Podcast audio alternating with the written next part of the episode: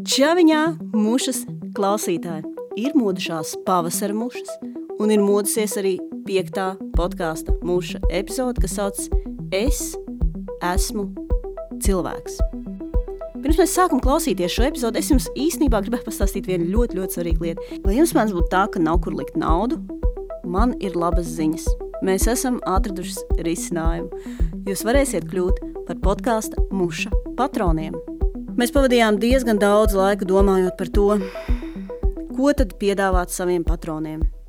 Bonus epizodes, tēkļus vai džemperus ar mušas logo vai kaut ko citu. Un mēs nolēmām, ka tas, ko mēs piedāvāsim, būs radošs challenge, kur jūs saņemsiet reizi divās nedēļās. Mēs piedāvāsim mūsu patroniem iespēju nedaudz paspēlēties gan ar stāstu veidošanu, gan ar audio veidošanu. Vairāk informācijas patreon.com slash podkāsts muša.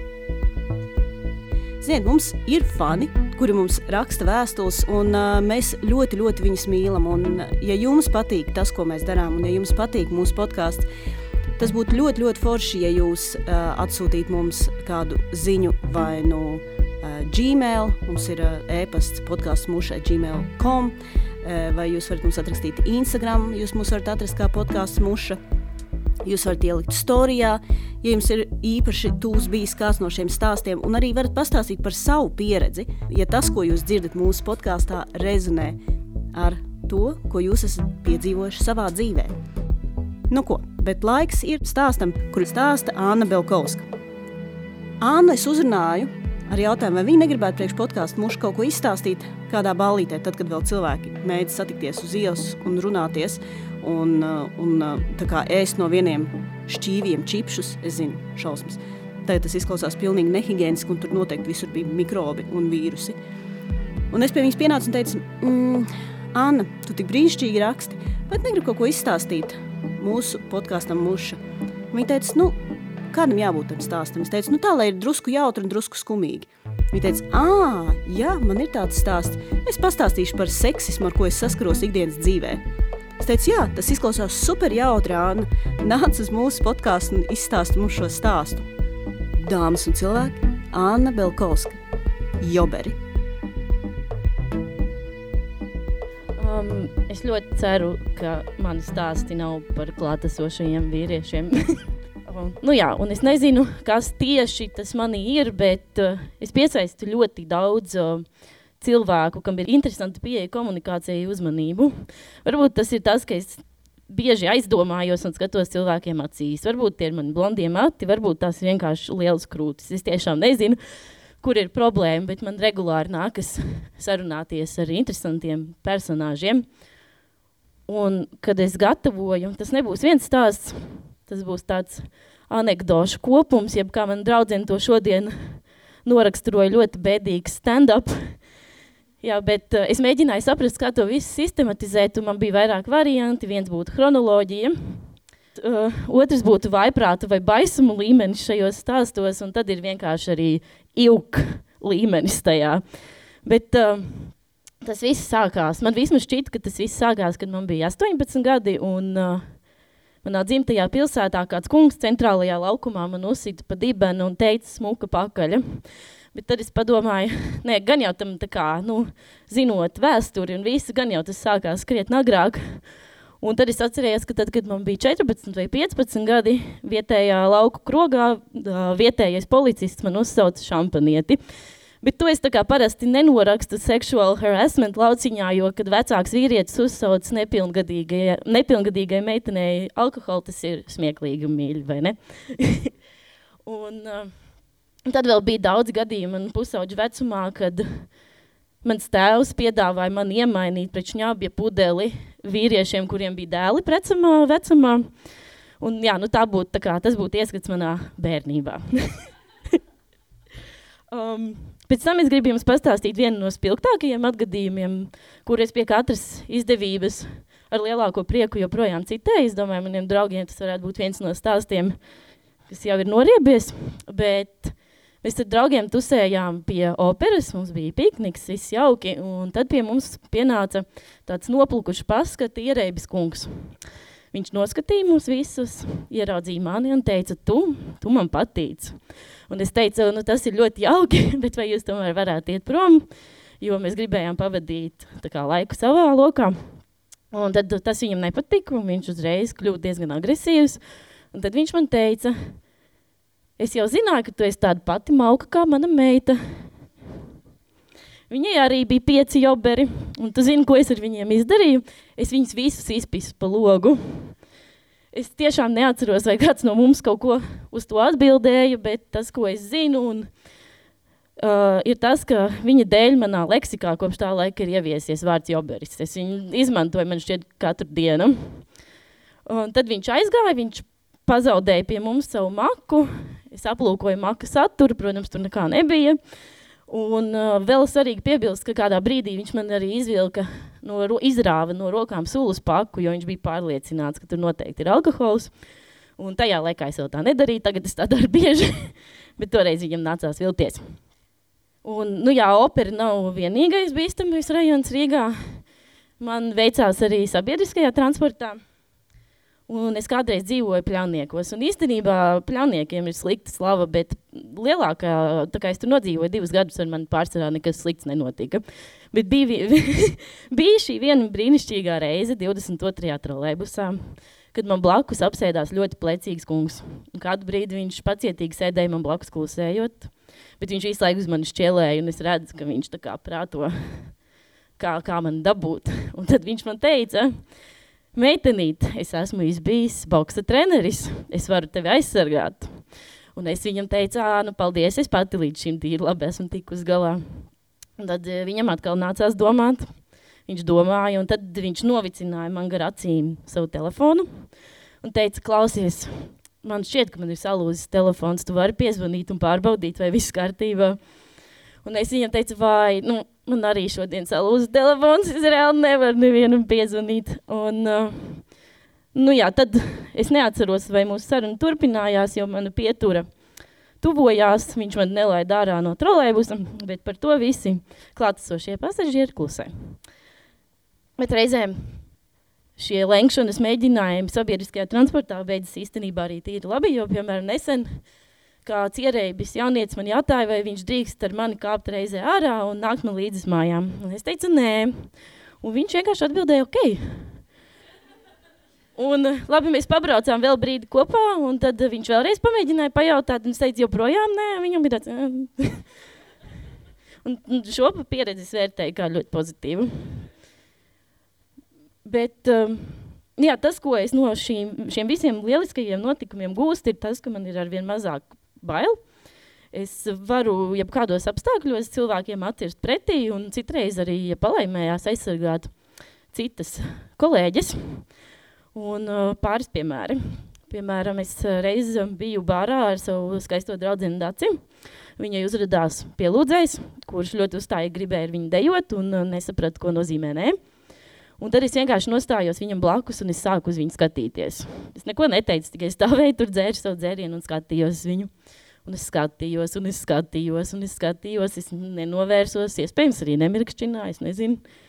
Vispirms viņš aizgāja, apsēdās uh, pie savu galdiņa, nervozi iztukšoja dzērienu, bet es turpināju viņu skatīties. Un es skatījos un skatījos, un beigās viņš aizgāja prom. Ah, un šis, šis ir viens no maniem mīļākajiem gadījumiem. Es uh, pusgadu studēju apmaiņā Spānijā un regulāri gāju dejot uz vienīgo geju klubu pilsētā. Un es tur gāju tieši, lai tiktu vaļā no šādiem uzmācīgiem dejotājiem. Bet, protams, ka man neveicās, un kādu vakaru man sāka sakot kāds kungs, kurš atvainojos par stereotipiem, neiederējās šajā klubā īsti. Viņš man staigāja pakaļ ļoti ilgi, lai kur es gāju. Es gāju ārā pīpēt, viņš man nāca pakaļ. Es gāju pie bāra, viņš man nāca pakaļ. Un kādā brīdī es neizturēju, es pagriezos pret viņu un es viņu sakliedzu. Es neatceros, ko tieši es kliedzu. Bet ir svarīgi piebilst, ka Spānijā daudzi nerunā angļu valodā un arī varbūt to īpaši nesaprot. Un viņš man teica, are you England? Vai tāds, nu labi, es pielāgošos. Un tad es viņam teicu, yes, I am England. Now would you Brexit away from me? Un uh, es ļoti nožēloju šo gadījumu tādā ziņā, ka viņš man nesaprata tikai mans tā vakara kompaņāns bija spējīgs novērtēt šo skaisto snapback. Bet Latvijā es līdz tam iztiku vienkārši ar tekstu. O, man tieši vajag, ja nu draugu vecais jau sācis būt. Un, nu, tad ir vēl vairāk gadījumu, kurus es negribēju šeit izvērst, bet ir kāds Latvijā puslīdz zināms režisors, kurš Nacionālā teātra lielajā zālē reiz man demonstrēja, kā aktieri spēlē mīlas ainas, un tad viņš netīšām pieskārās manai krūtīm. Tad ir kungs, kurš klubā pienāca, ieskatījās manā acīs, viņš stiepa manā virzienā roku, un es domāju, nu, viņš tagad pieskarsies manai krūtī, bet tad viņš noglāstīja manu vēderu. um, es pat nebiju spējīga dusmoties, jo es vienkārši nesapratu, kas notiek. Tad bija kungs, kurš saņēma manu seju un mēģināja mani noskūpstīt. Lieki teikt, ka mēs nebijām pirms tam runājuši, pazīstami vai vispār saskatījušies. Ah, un, protams, man ir mīļie vīrieši, kas uz ielas mēģina mani sasaukt kā kaķi. Viņi saka, ks, vai. Un uh, es ļoti gribu viņiem uzšņākt, man šķiet, ka tā būtu adekvāta atbilde čatējā, bet uh, man bail, ka viņi to uztvers kā kaut ko seksuāli, jo nu, kā nevar zināt, jā. Tagad, kad es esmu jūs iespējams sagrozījusi ar savu bēdīgo stand-upu, es gribu padalīties ar ziņām no interneta, jo tā arī ir vieta, kur pielūdzēji mani atrod. Un nu, šajā ziņā es gan tiešām nedaudz uzprasos, jo es apzināti saglabāju telefona aplikāciju Badu, kas ir tā kā Tindera ļaunais dviņu brālis, jo tur tev var atrakstīt, jebkurš tur nav jābūt mačam. Tur vienkārši var, jebkurš, kas tevi noskatīs, tev atrakstīt. Un, Tāpēc es esmu jums sagatavojusi īpašu izlasi ar šīm ziņām. Un es uzsvēršu, ka tās ir pirmās ziņas, tās, kā mēs neesam runājuši kādu laiciņu, kad šis teksts uzspēled. Viņi šādi sevi stāda priekšā. Um, simpātiska, seksīga bilde, ņem, ņem, ņem. Augumiņš tev gan baigi seksīgs, pamīlēties būtu patīkami. Are we allowed to compliment the boobs? You are looking, looking like a crazy love machine. Un nākamais ir ārpus kārtas. Šis ir ļoti īpašs. I don't know why, but you look straight up evil. Un pēdējais es gribētu uzslavēt, jo šajā bija ļoti tā kā pārsvarā gramatika un interpunkcija nav šo kungu stiprā puse, bet šis pēdējais bija nevainojami uzrakstīts.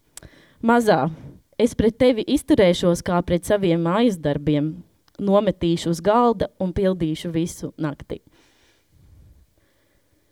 Un, un, un tad noslēgumā es gribu ar jums padalīties ar savu pirmo un gandrīz vai vienīgo heitu komentāru, ko esmu saņēmusi internetā. Un pirms gada mana draudzene Lotte atvēra internetu veikalu, neapmaksāta reklāma, mums LV, lūdzu apmeklējiet. Kur viņa pārdeva mūsu draugu kompānijas personības. Līdz ar to tur bija publicētas uh, skaistas bildes ar mani, un aprakstā bija norādīts, ka es esmu feministe. Bet Twitter lietotājiem tur kaut kas nelikās kopā, tāpēc mēs saņēmām komentāru. Kāpēc feminista kā pēdējā šmara rāda savu dekoltē? Un es zinu, ka nevajag iesaistīties šādos Twitter diskusijās, bet es viņam atbildēju – Es atvainojos, esmu valsts pirmā blozga. Paldies! Ja jums patika Annas Belkovskas stāsts un jūs gribat kaut ko vairāk par viņu uzzināt, pirmā lieta, kas jums ir jādara, jāiet uz Satori LV un jāizlasa viņas stāsti un viņas dzēja. Tas būs brīnišķīgs piedzīvojums, es jums apsolu. Otra lieta, ko jūs varat darīt, jūs varat doties uz web portālu mums LV. Tā ir tāda mājaslapa, kurā Anna ar saviem draugiem pārdod dažādus accessorus un apģērbus ar diezgan zīmīgiem un interesantiem nosaukumiem. Mans favorīts, mans favorīts ir cepure uh, un arī rotiņa, uz kuras ir rakstīts virsū blozga. Vai tas nav jauki? Savus stāstus podkāsts Muša ieraksta parasti kopā ar dzīvu auditoriju. Mēs izvēlamies dažādas vietas Rīgā, kur sanāk kopā cilvēki, iedzer vīnu, iedzer ālu un klausās stāstos. Jo mums likās, tajā brīdī, kad mēs plānojām šo podkāstu, mums likās, ka tas ir šausmīgi, šausmīgi svarīgi. Veidot to saikni starp stāstnieku un stāstītāju, un dot arī iespēju pēc tam visiem pie vīna glāzes, vai pie auskaus, vai varbūt pie kādas limonādes, pārunāt nedaudz par to, ko viņi ir dzirdējuši un ko ir piedzīvojuši, un veidot attiecības un veidot sarunas. Bet, protams, diemžēl, līdzīgi kā ļoti daudziem citiem, vai drīzāk visiem, kas darbojas pasākumu industrijā, Covid mums šo iespēju ir nozadzis. Tajā brīdī, kad mēs plānojām podkāstu, mēs zinājām, ka būs tādi stāsti, kurus cilvēki negribēs stāstīt publiski ar savu vārdu un uzvārdu. Tāpēc mēs vienmēr teicām, ok, ja jums ir tāds stāsts, mēs tāpat to gribam dzirdēt, mēs gribam jums piedāvāt šo stāstu izstāstīt studijā, drošā vidē, un izmantot pseidonīmu. Jūs ir jābrīdina, ka daži no šiem stāstiem, tajā brīdī, kad mēs viņus ierakstījām, lika mums pašām raudāt. Un, um, varbūt atrodiet tādu īpašu brīdi un laiku, lai noklausītos tieši šo podkāstu muša epizodi. Un šis ir tāds stāsts, viņu varētu būt drusciņi grūti klausīties. Grieze ar stāstu Čuku.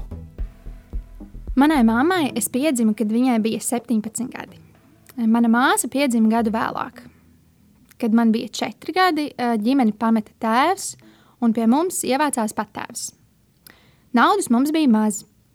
Patēvs bija tālbraucējs, stingrs, pedants, un, lai gan sākumā bija jauks, kad atbrauc mājās, viņš vienmēr dzēra. Viņš mēdz uz mums ar māmu kliegt virsū par visu pēc kārtas. Un mūsu ar māsu uh, sist ar siksnu brīžos, kad bleņojāmies. Kad nevēlējāmies vakarā tīrīt zobus ar negaršīgo zobu pastu, vai pretojāmies ēst viņa gatavotos negaršīgos kāpostīteņus, vai tad, kad es nopelnīju matemātikā tikai seši. Māma mūs sargāja, bet nevienmēr viņai izdevās. Es atceros reizi, kad viņam rokās bija siksna, un es pateicu, ka es izstāstīšu klases audzinātājai. Toreiz man nozilināja divu tik. Es kritu zemē un kliedzu, cik spēka, cerot, ka mūsu puskurlā kaimiņienes atdzirdēs un atnāks un izglābs. Bet uh, tas nekad nenotika. Arī skolotājai es neko nepateicu. Ar laiku es sapratu, ka viss, ko es varu izdarīt, ir izpatikt, nenokaitināt, tipināt uz pirkstgaliem, uzvesties labi un pelnīt labas atzīmes, jo tad skandāli būs mazāk. Taču, lai cik labi es uzvestos, man uzvedība neko nemainīja. Skandāli turpinājās. Viņš bija ārkārtīgi stingrs, bija daudz aizliegumu un noteikumu. Nekādu pulciņu, mājās jānāk uzreiz pēc skolas, vajadzēja stundām ilgi glītrakstīt, mācīties papildus, un pie tām dažām draudzenēm, kas man bija, iet nedrīkst, uz dzimšanas dienām nedrīkst, ekskursijās arī nedrīkst. Un katrai nepaklausībai sekoja sodi un mājas aresti. Pēc pāris gadiem vecāki izdomāja, ka viņi vēlas māju laukos, un mēs uzsākām seriālu pārvākties no vienas mājas uz otru. Eh, kad man bija 11 gadi, es biju nomainījusi jau četras skolas, un no Rīgas ar pāris pieturvietām es nonācu mazā lauka ciematā ar 400 iedzīvotājiem. Taču šis stāsts sākās, kad man bija 13. Es gāju 7. klasē, un septembrī mums pievienojās kādi septiņi otrgadnieki no iepriekšējās septītās klases. Tad es pirmo reizi saskāros ar viņu. Viņa vārds ir Francis. Vārds, protams, mainīts. Viņš piederēja slikto puišu plicei, viņam bija slikts atzīmes, tendence bastot skolu, tusēties apkārt, smēķēt un lietot alkoholu. Un vēl viņam bija paradums traucēt mācību darbu klasēm. Visas septītās klases garumā Francis raustīja mani aiz bizēm. Viņš izrādīja man saudabīgu uzmanību, sūtīja jocīgas zīmītes, spļāva matos papīra bumbiņas, bakstīja mani, traucēja strādāt, slēpa somu, čiepa mantas, sauca man vārdu stundu laikā un visādi man kaitinot un traucējot man darīt to, ko es skolā vēlējos darīt visvairāk - mācīties. Pienāca mājas, mūs visus pārcēla uz 8. klasi. Mans vasaras kopumā bija garlaicīgas, un šī vasara nebija nekāds izņēmums. Es uh, ravēju dārzu, sauļojos, garlaikojos un gāju pastaigās pa mazo ciematu. Vasaras noslēgumā mēs sākām sarakstīties. Precīzāk, Francis man sāka rakstīt. Laikam jau man bija interesanti, un es atbildēju viņa drausmīgajai latviešu valodai. Sirds, lucu, caviņa, savļuks, buciņa un tā tālāk. Es tevi mīlu, kols un zvaigznīte ir SMS, kas man uzdzen atmiņas un šarmuļus vēl šodien. Kādā augusta vakarā Francis pie manas mājas piebrauca ar jaunu sarkanu motoroleri. Viņš aicināja pavizināties. Tas noteikti bija aizraujošākais piedāvājums tajā vasarā, lai gan no otras puses nav baigi prātīgi braukāties apkārt ar klases slikto puisi, kuram nav pat motoroleri tiesību. Viņš man teica, ka viņš ir atbraucis uzreiz pie manis, nevis pie draugiem, un man likās, ka es esmu īpaša. Un es ļāvos šai aizliegtajai bīstamībai un izbraucienam. Vizināšanās ar rolleri noslēdzās ar romantisku skūpstīšanos netālu no manām mājām, alejā zem liepām. Un Francis, kurš visu gadu bija centies pievērst sev manu uzmanību, beidzot bija panācis to, ko viņš vēlējās. Es ar savu atbildi skūpstu biju pateikusi, ka man viņš arī patīk. Ātri vien Francis kļuva par manu otro pusīti, bet, diemžēl, rozā brīļu periods bija gaužām īss. Tādā kā Love the Way You Lie dziesmā mēs nenormāli daudz strīdējāmies, kliedzām viens uz otru. Es daudz raudāju un eh, pārdzīvoju par to, kā viņš dzīvo. Eh, bet man likās, ka attiecības ar mani viņa izmainīs. Un eh, man pilnā nopietnībā likās, ka es viņu mīlu. Un viņš man teica, ka viņš mīl mani. Tie bija daži ļoti skaisti un mierīgi mirkļi, kad viņš mani samīļoja, vai braucot ar rolleri, es varēju pieglausties viņam bija daudz sliktu dienu un pāris labas. Un man šķita, ka tāda dinamika ir pilnīgi ok. Patēvs taču arī kliedz uz mammu, reizēm daudzīja ar dūri galdus un iespējams arī iesita viņai. Māma raudāja, bet viņi taču palika kopā. Un man šķita, ka tādas ir normālas attiecības, un es viņam ātri visu piedevu. Francis tomēr turpināja būt Francis. Kā īsts narcis viņš vienmēr izskatījās perfekti, smaržoja pēc dārgām smaržām un nesāja zelta ķēdi. Man jāatzīst, ka man patika viņa sapīpētā elpa, kura vienmēr sajaucās ar košļaņu smaržu. Viņš mēdza braukāt apkārt ar tēta 80. Mercedes bez tiesībām, un kopā ar citiem džekiem, viņa draugiem, dzēra šņābi skolas dienu vakaros, mēdza izkauties ciemu disenēs un ne tikai. Turpināja pelnīt nesekmīgas atzīmes, bastot stundas, un reiz viņš pat ar draugiem panākti aplaupīja veikalu. Bet es redzēju, ka viņā aiz tā visa ir cilvēcība. Viņš taču palīdz mammai strādāt zemnieku saimniecībā. Es sāku pavadīt ar vien vairāk laika ar Franciju un viņa draugiem. Un es kļuvu pavisam atrauta no saviem vecajiem draugiem, kur man nebija daudz. Ja es sarunājos ar klases biedriem, viņš vienmēr aizrādīja un komentēja un sauca visas šīs sarunas par maukošanos.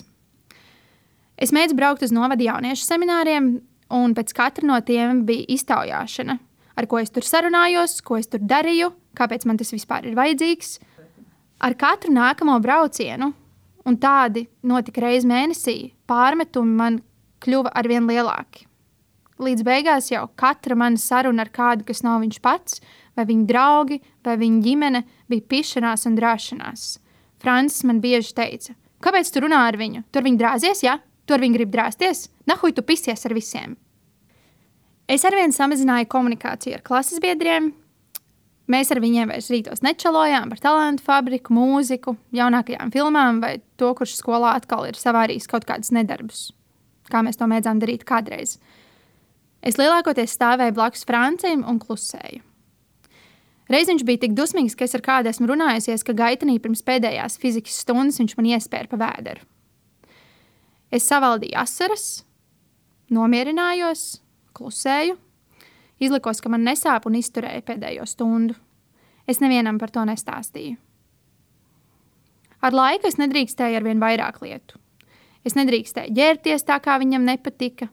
Man bija aizliegts klausīties mūziku vai skatīties filmas, kas viņam nepatika. Es nedrīkstēju braukt uz semināriem un sporta sacensībām bez viņa klātbūtnes. Un kaut kā man tas viss likās normāli. Jo vienlaikus šīs attiecības man pavēra manā izpratnē privilēģijas. Man bija iespēja vizināties ar viņu rolleri.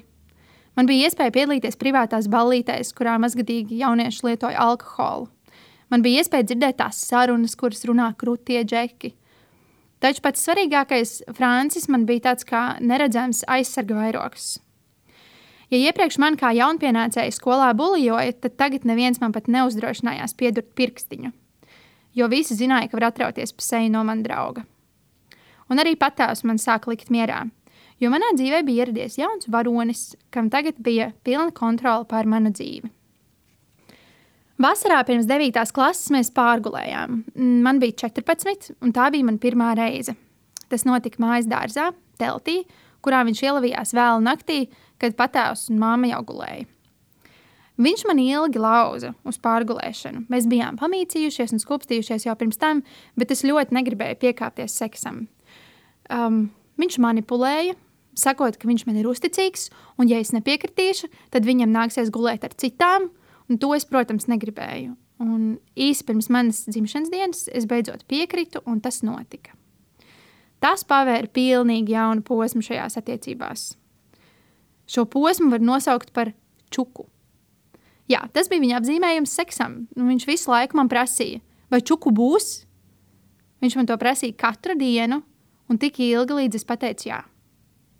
Ja es nepiekrītu vaginālam seksam, viņš gribēja orālo seksu. Ja es ne par kādu cenu nepiekrītu orālajam seksam, tad man vajadzēja vismaz ar rociņu viņu apmierināt. Un čuku viņš prasīja visu laiku - skolā, uz ielas un arī manas mammas klātbūtnē. Tā nebija seksuāla vardarbība tādā izpratnē, kurā mani piespieda uz seksu ar fizisku spēku. Tā bija tāda kā mentāla krišana uz nerviem, kurā, lai viņš beigtu mani terorizēt ar šo uzbāšanos, es vienā mirklī neizturēju un pateicu jā. Tāpēc es sev gadiem ilgi neesmu atļāvusies to saukt par seksuālu vardarbību. Jo kāds gan upuris es biju? Es taču vienmēr pateicu jā. Kur tas regulārais seks notika 15-gadīgai jaunietei un 16-gadīgam jaunietim, jūs vaicāsiet? Tas notika manā istabā. Istabā, kurai aiz sienas blakus dzīvoja mana mamma, un kad bija mājās, tad arī patēvs. Un kā tas ir iespējams? 9. klasē, kad man bija 15, Francis sāka ar vien biežāk dzīvoties pie mums mājās. Viņš palika pie mums vienu reizi, otru reizi, un tad jau teju katru vakaru. Un neviens viņam un man nepateica nē. Manā gultā bija šauri, un uh, tas bija iemesls, kāpēc es bieži nevarēju labi izgulēties.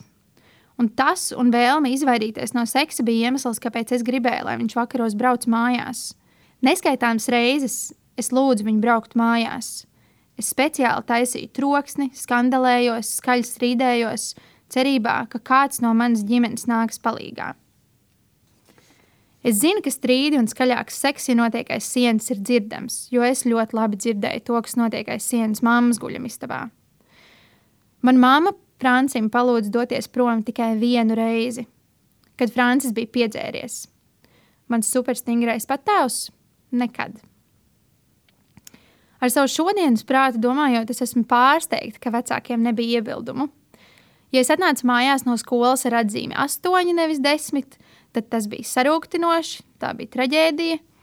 Ja es neieguvu olimpiādē pirmo vietu, no manis nekas neizaugs un es būšu bombzis, ja es desmit minūtes vēlāk atnācu mājās, tad es esmu prostitūta.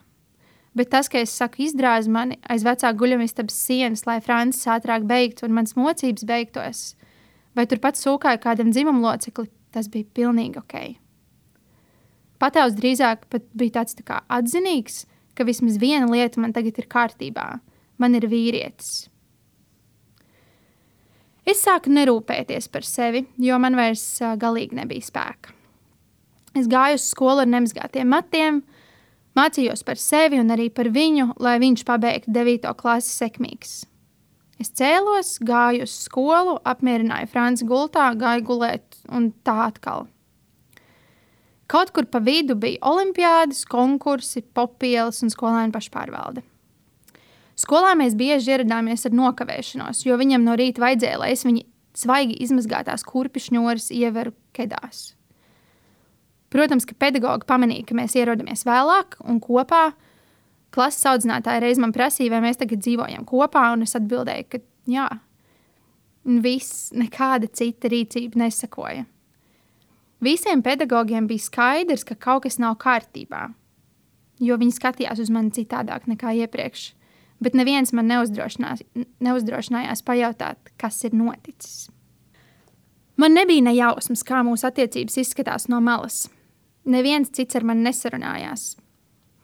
Reiz kāds no viņa bijušajiem klases biedriem un puišiem, kam es patiku vēl 5. klasē, man reiz pienāca klāt un teica, es nezinu, kā tu varēji tik zemi nolaisties, būt tajās balītēs, kur visi tevi laiž uz riņķi.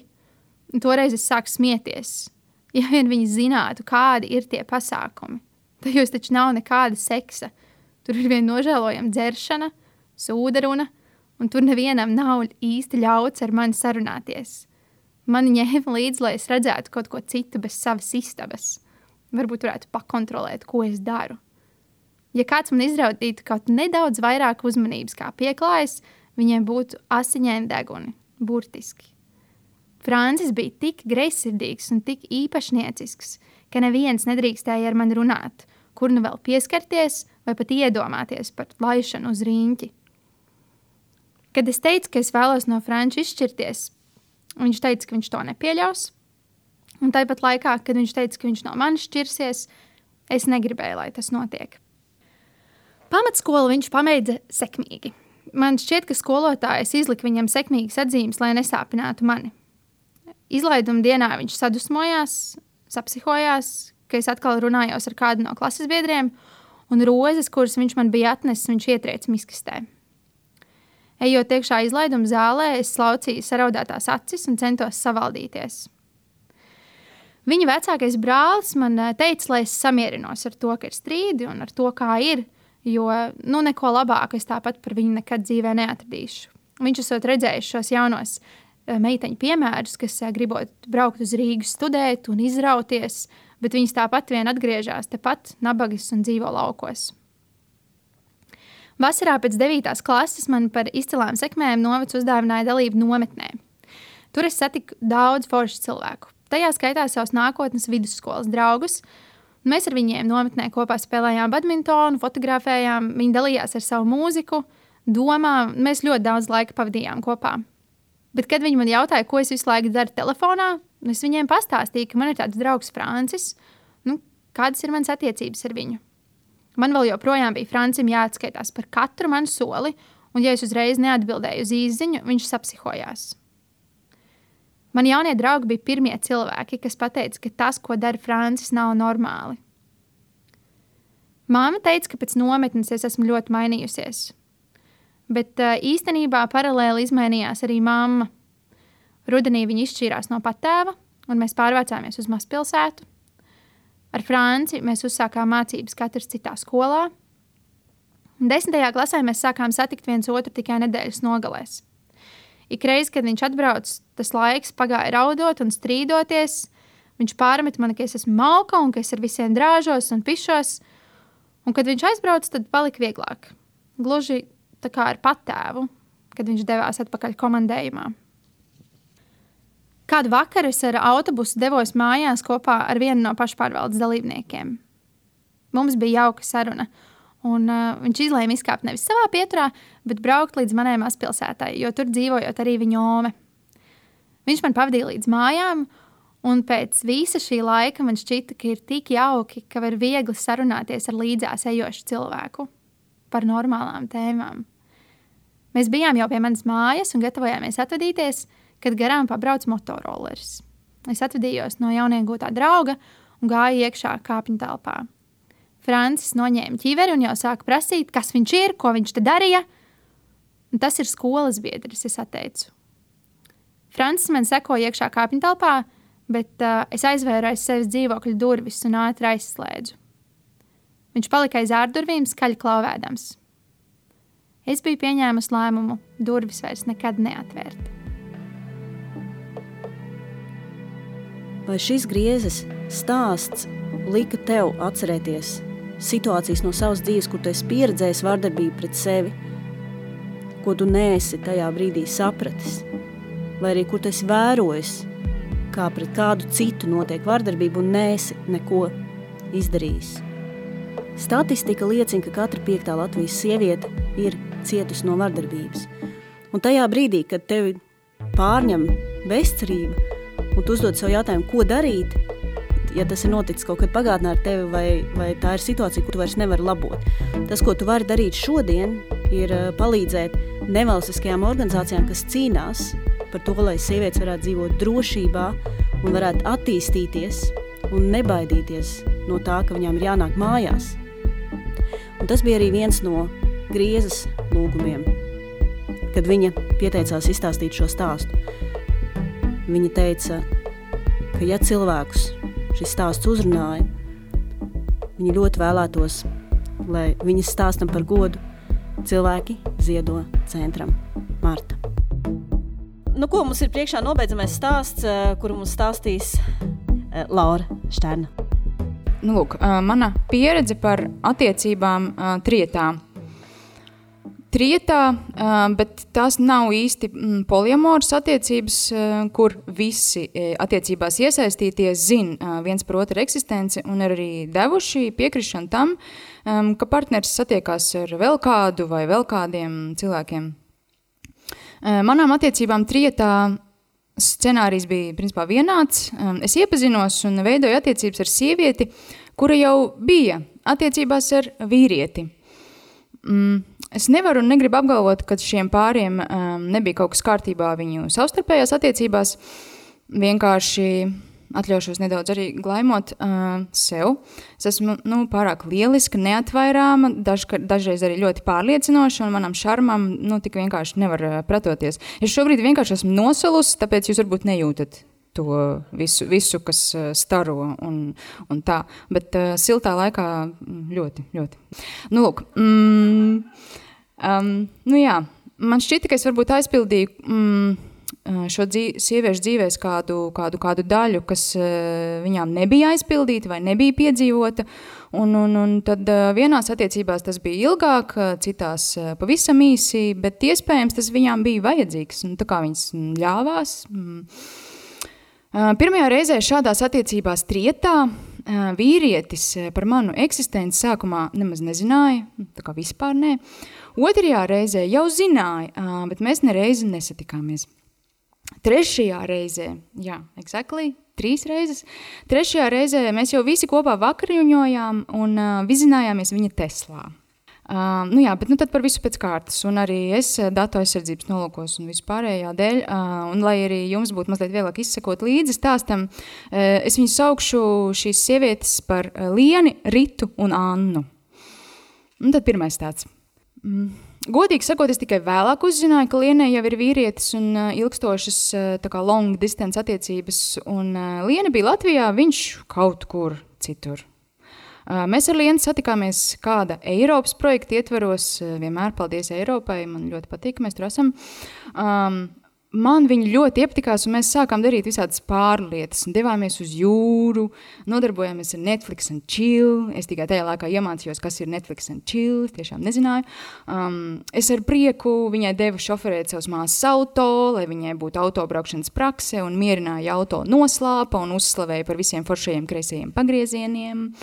Un, uh, kaut ko mēs darījām slepus un kaut ko ļoti atklāti, bet, ja nemaldos, tā arī nekad sevi par tādu kā pāri nenosaucām.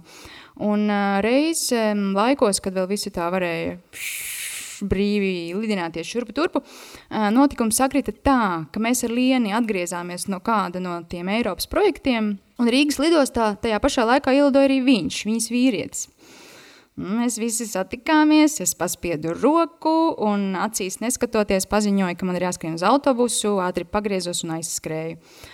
Uh, viņš atgriezās savā valstī un mēs turpinājām ar Lienu satikties. Mm pienāca brīdis, kad viņš Lieni bildināja. Nu, mēs bijām nopietni pieauguši cilvēki, un Liena laikam man teica, ka nu, mums tomēr būtu jābeidz un jābeidz šādi draudzēties, bet, nu, godīgi sakot, es totāli ignorēju šo lūgumu, un uh, arī Lienai neizdevās tas stingrais nē, un mēs turpinājām kaut kādā ziņā būt kopā. Nu, tā kā on un off. Un um, šeit man vajadzētu iesākt otro stāstu, jo te lēnām pie apāršana parādās sieviete numur divi, bet es pabeigšu pirmo stāstu ar to, ka tad, kad viņi bija aprecējušies, un es viņu kāzās, jā, mani uzaicināja. Uh, viņu kopīgās dēļas laikā raudāju, nu, jo es beidzot sapratu, ka šis ir pa īstam, un tas ir viss. Viņa tiešām vairs nav pieejama, un šis ir mans zaudējums un atvads. Bet te, tad es turpināšu ar otro stāstu, jo viņš jau sāk sākties. Un tad īsumā, kā tad bija mana situācija. Mm, es satikos ar Lienu, ar kuru es nebiju attiecībās, jo viņa bija attiecībās ar savu līgavaini, kurš par mani neko nezināja, vai arī ja zināja, tad es netiku uzskatīta kā nopietns draugs. Uh, bet šī ir mana interpretācija. Es īstenībā nezinu, kā bija. Tajā laikā, vasarā, kopā ar savu folkloras kopu, es devos uz kādu festivālu Somijā.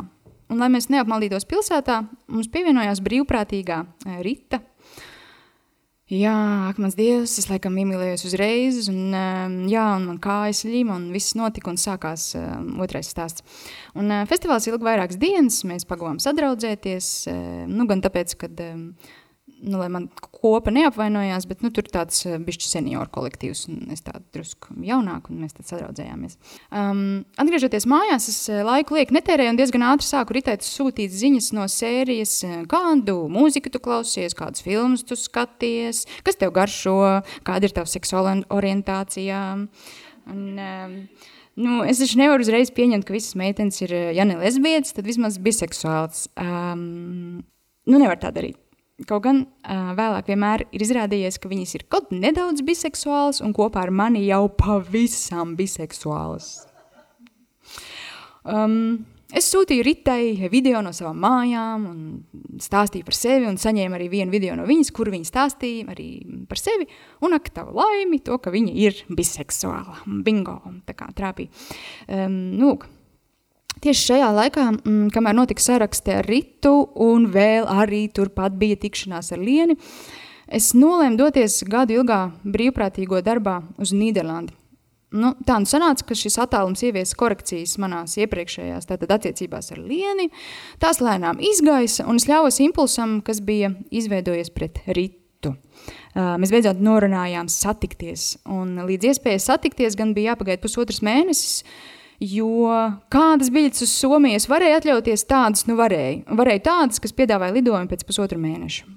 Aizlidoju tātad uz Somiju un nepilnās trijās dienās, principā divās ar pusī, mēs ar Ritu jau kļuvām par pāri. Mm, tieši kad es uzzināju, ka viņai arī Francijā ir vīrietis, es neatceros, bet hei, viņš atkal bija tēls, kas atrodas kaut kur tālu projām.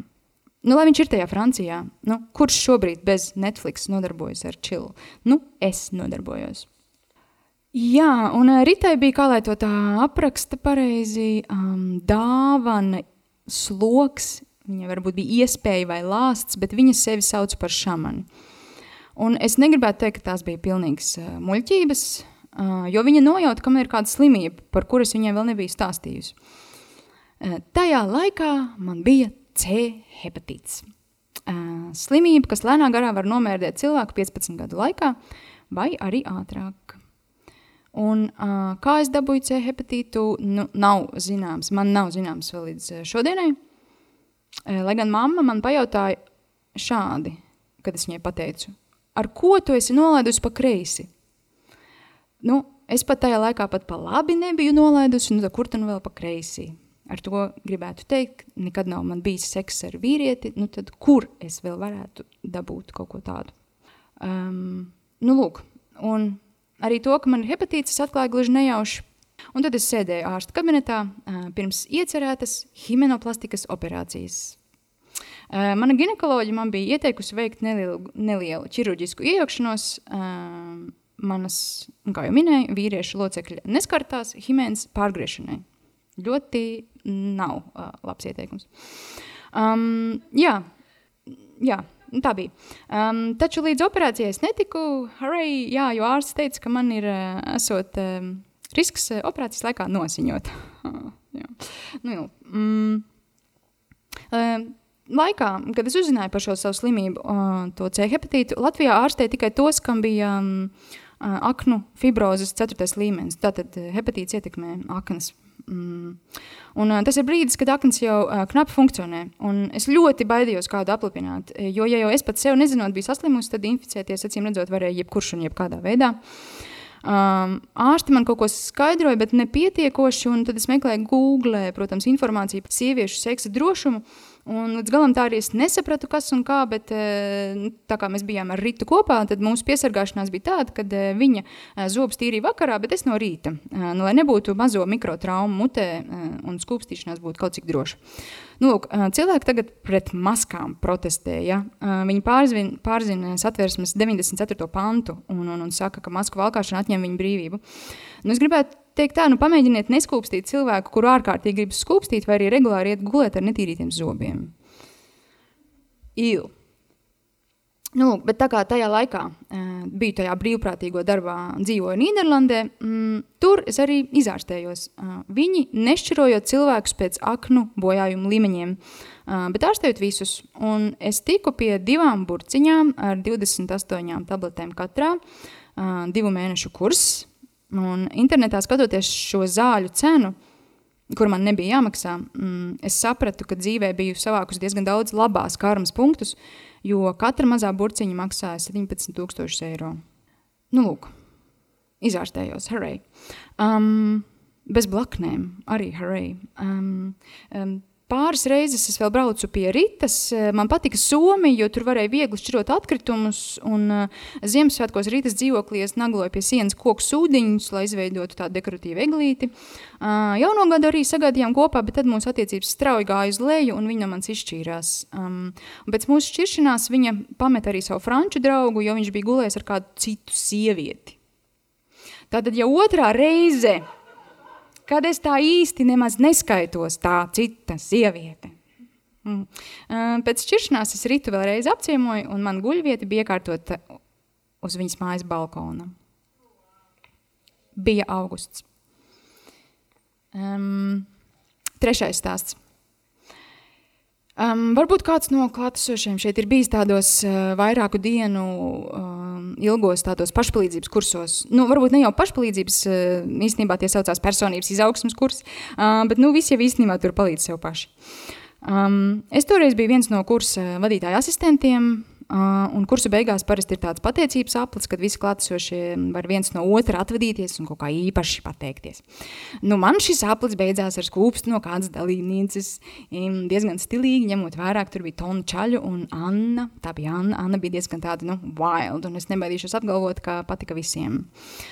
Um, jā, mēs sākam satikties. Protams, nu, kā tur nesatiksies ar cilvēku, kurš tevi noskūpsta. Es gribētu teikt, ka es tā vienmēr daru. Ja man kāds noskūpst, gan uzreiz sākam satikties un esam attiecībās. Uh, nu, lūk, mēs sākām satikties, un arī dzīvojām tajā brīdī vienā valstī. Uh, satikšanās nemaz nebija tik viegla. Um, un uzzinot, ka viņi tieks arī ar kādu vīrieti.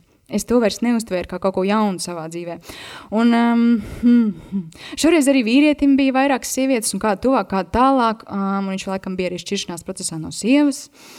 Um, Šis viss mani nu, nemaz neskāra. Man tas bija kaut kas tāds, kas uz mani neatiecas. Vismaz tā man toreiz šķita. Tagad es zinu labāk. Um, par mani viņš zināja un pat ļoti priecājās, ka Anna ir vēl kāds partneris. Un ar Annu mēs devāmies vakariņās un izmantojām šī vīrieša kredītkarti, jo viņa sevi bija kaut kur pakāsusi. Un, um, tad viņi bija devušies kopīgā nedēļa garā atvaļinājumā, no kura atgriežoties Annu, es sagaidīju viņas dzīvoklī ar lielu welcome back zīmi. Un tad kādu citu vakaru mēs iekāpām viņas draugu Teslā un devāmies uz vegānu ēstu vakariņās. Un Anna pārmaiņas bučoja te mani, te viņu, un cilvēks mums skatījās, bet mēs tikai turpinājām vakariņot. Um, un es biju tik progresīva, kā man šķita, mm, ka es pat painteresējos par šī vīrieša seksuālajām attiecībām ar kādu meiteņu pāri. Uh, bet, nu, Tā tad arī šīs attiecības trietā beidzās. Jo šoreiz es biju par daudz, un es biju Annai par daudz. Ehm, tā viņa man teica. Iepriekš es īsti neskaitījos, tagad es biju par daudz. Nu, tad nobeigumā mm, teikšu tā, ka šo sieviešu dēļ, šo trīs sieviešu dēļ, es esmu pieraudājusi neskaitāmus kabatlakatus un spilvenus arī, un es esmu apšaubījusi savus eksistences jēgu, un es esmu pavadījusi gultā nedēļu no vietas, neceļoties un gandrīz nemaz neēdot. Uh, Um, taču visas šīs attiecības bija arī uh, prieka un laimīga brīža pilnas.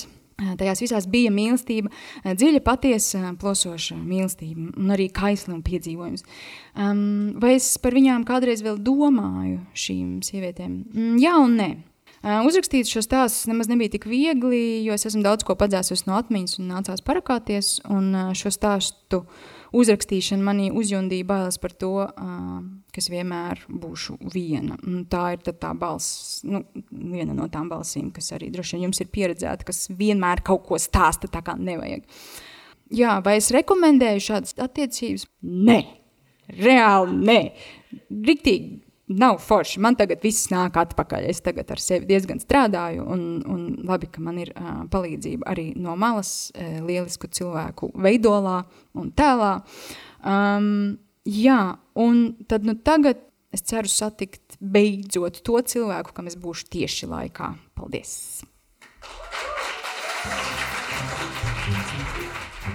Ja jums patika Lauras Štērnas stāsts, un jūs vēlaties sekot, kā viņai iet ar mīlestību, viņas dzīvē, es jums noteikti, noteikti iesaku sekot vairākām lietām.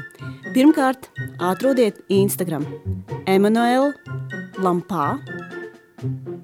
Tas ir viņas drakinga vārds, un viņa ļoti, ļoti daudz brīnišķīgu lietu dara kā drakings, un viņa ir viena no drakingu mm, kustības aizsācēja Latvijā, kas ir ļoti aktīva. Viņi ir, starp citu, arī uztaisījis mm, epizodes YouTube, kur jūs varat uzzināt par drakingu vēsturi. Un, uh, un viņa vispār, starp citu, bija pagājušā gada Latvijas drakings un dabūja kroni no Brigitas Strodas. Ļoti skaista un brīnišķīga krona, un man ļoti skauda, ka viņai ir šis kronis. Piektā podkāstu epizode Es esmu cilvēks ir galā. Mēs ļoti ceram, ka jums patika. Mēs arī ļoti, ļoti gaidām jūsu stāstus. Un paldies liels tiem, kas mums ir atrakstījuši un ir pieteikuši savus stāstus.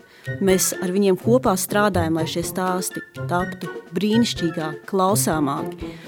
Un, un mēs tiešām arī gaidām to brīdi, kad mēs varēsim uztaisīt pasākumu, kur mēs varētu satikties ar visiem jums un kopā paklausīties jaunākos stāstus, kurus esam sagatavojušas. Šo podkāstu veido Kerija Broka, Monte Kaiva, Alise Krauja, Agate Mežula, Mārta Hercunes, Džema Sudraba.